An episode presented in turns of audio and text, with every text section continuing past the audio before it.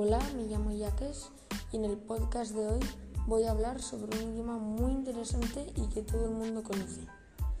¿Sabes de qué idioma estoy hablando? Sí, estoy hablando sobre el inglés.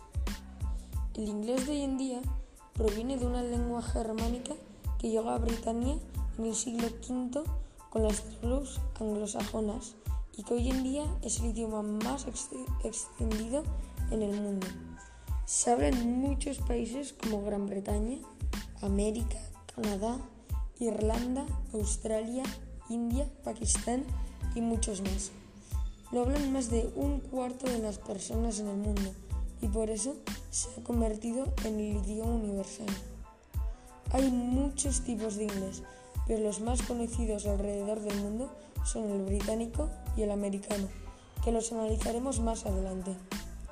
Ahora vamos a analizar algunos de los rasgos fonéticos de este idioma tan interesante. El inglés no es como el castellano, que se lee tal cual está escrito. En este idioma tiene diferentes maneras de pronunciar ciertas vocales, consonantes y diptongos, que te obligan a prestar mucha atención cuando estás leyendo. Hay muchas palabras en el inglés que no se pronuncian, como por ejemplo la H, que es muda, si por delante de ella va una V, como la palabra why, que significa por qué, o la palabra when, que significa cuándo, o como la E, que es silenciosa, también si se encuentra al final de la palabra, como en bake, que es hornear, o pine, que significa pino en inglés. La D también es muda en las palabras más comunes que se usan regularmente, como Wednesday, que esto significa miércoles, bridge, que significa puente. El adjetivo más usado en este idioma es good, que significa bien, y el sustantivo más usado es time, que significa tiempo. El inglés en realidad tiene sus orígenes en lo que ahora conocemos como noroeste de Alemania y Países Bajos. En el, inglés es la lengua oficial de 67 países. El primer diccionario de la lengua inglesa se escribió en 1755.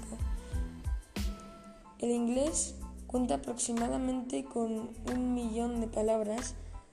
Para que te hagas una idea, el castellano cuenta con 88.000 palabras más o menos según la RAE aunque de forma oficial en los diccionarios británicos solamente encontrarás 350.000. Sin embargo, en su día a día, el hablante promedio no utiliza más de 2.800 palabras. El alfabeto inglés solo tiene 26 letras, pero 44 sonidos diferentes.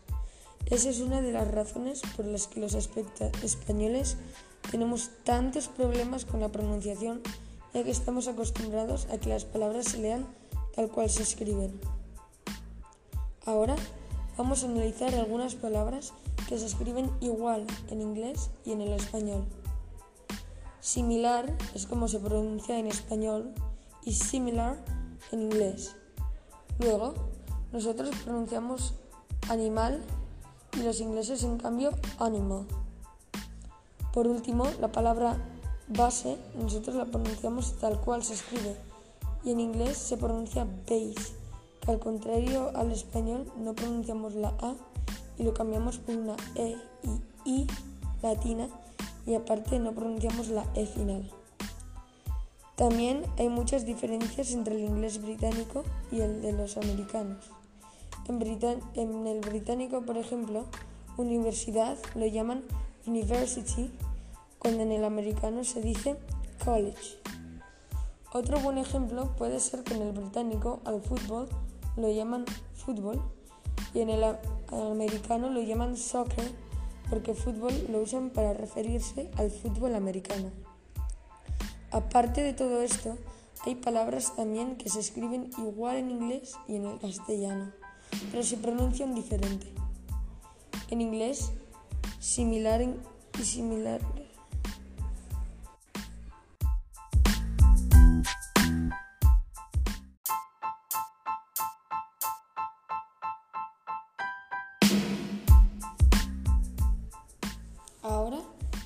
escuchar unos audios y anuncios de Inglaterra para que os hagáis una idea del acento que tienen por ahí.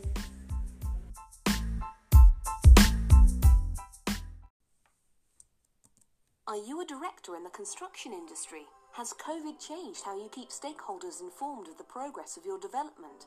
In One Place is your very own tailor made community engagement app. Designed by Virtual Viewing, the app lets you tell people the latest news and updates, give access to 3D maps and plans, warn locals of possible disruption, list recruitment opportunities, and so much more. All in one place. Discover more at virtualviewing.com.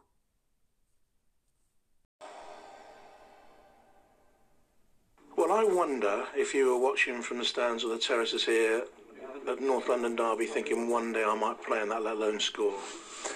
Yeah, uh, obviously incredible. My first London derby. Uh, watching so many as a kid and uh, just magical. Uh, the feeling that I can't really describe and just one I won't forget. And so happy for the for for the team and, and the club itself. It's just a yeah a special day. Do you want to?